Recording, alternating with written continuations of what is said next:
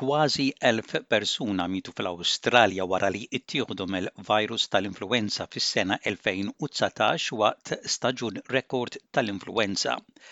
Waqt li l-każijiet tal-influwenza naqsu ħafna meta il-pajjiż kien f'lockdown minħabba l-Covid-19, esperti jgħidu li hija kwistjoni ta' meta qabel il-każijiet tal-influwenza jerġgħu jibdew jixterdu u jiżdiedu.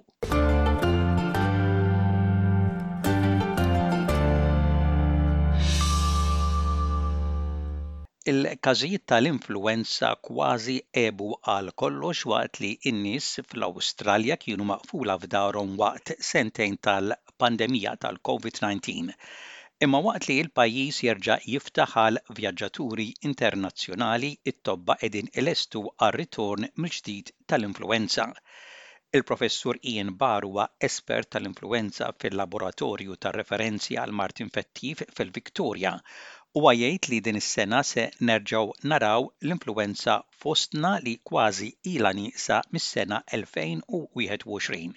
Il-kwistjoni, jgħid, kemm se tkun qawwija. U dan huwa diffiċli li tbassar, imma ma jaħsibx li se tkun qawwija daqs is-sena 2017 jew is-sena 2019.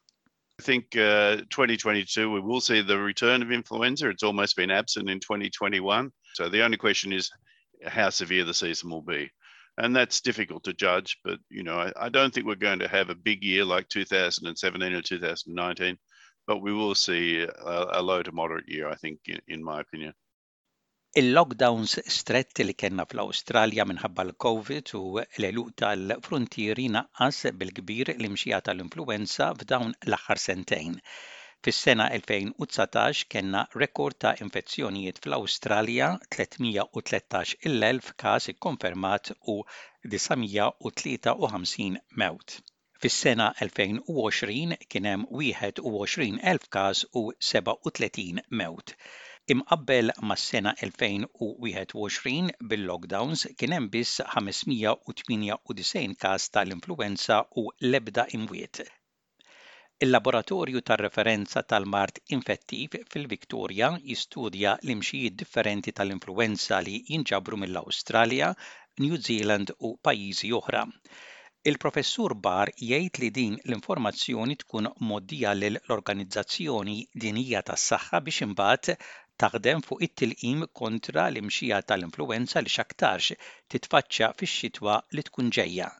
L-esperti tas-saħħa jagħmlu dawn id-deċiżjonijiet dwar it-tip ta' tilqim madwar sitt jew disa' xhur qabel jibda jinfirex il-virus tal-influwenza.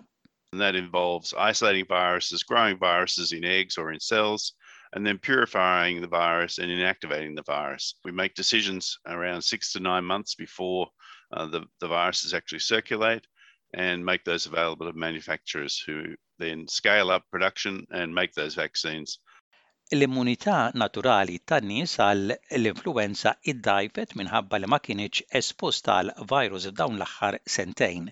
L-espert tal-mard infettiv f'Melbourne, it-tabib Kutsai Kanoutou tgħid li dan flimkien mar-ritorn tal-vjaġġaturi internazzjonali se jikkaġuna numru ta' żieda fil-każijiet tal-influwenza.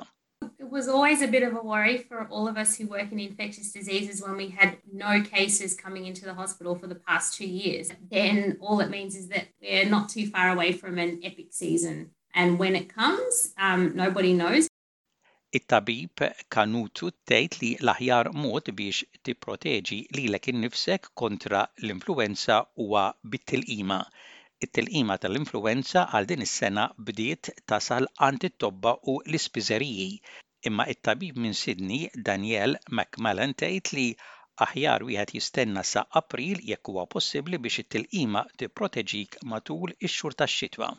But our medical advice is that timing your vaccine starting from kind of end of April uh, tends to give you the best coverage through our predicted flu season. It's not one where you need to rush out today and have it. Um, we'd probably recommend having that kind of mid to late April.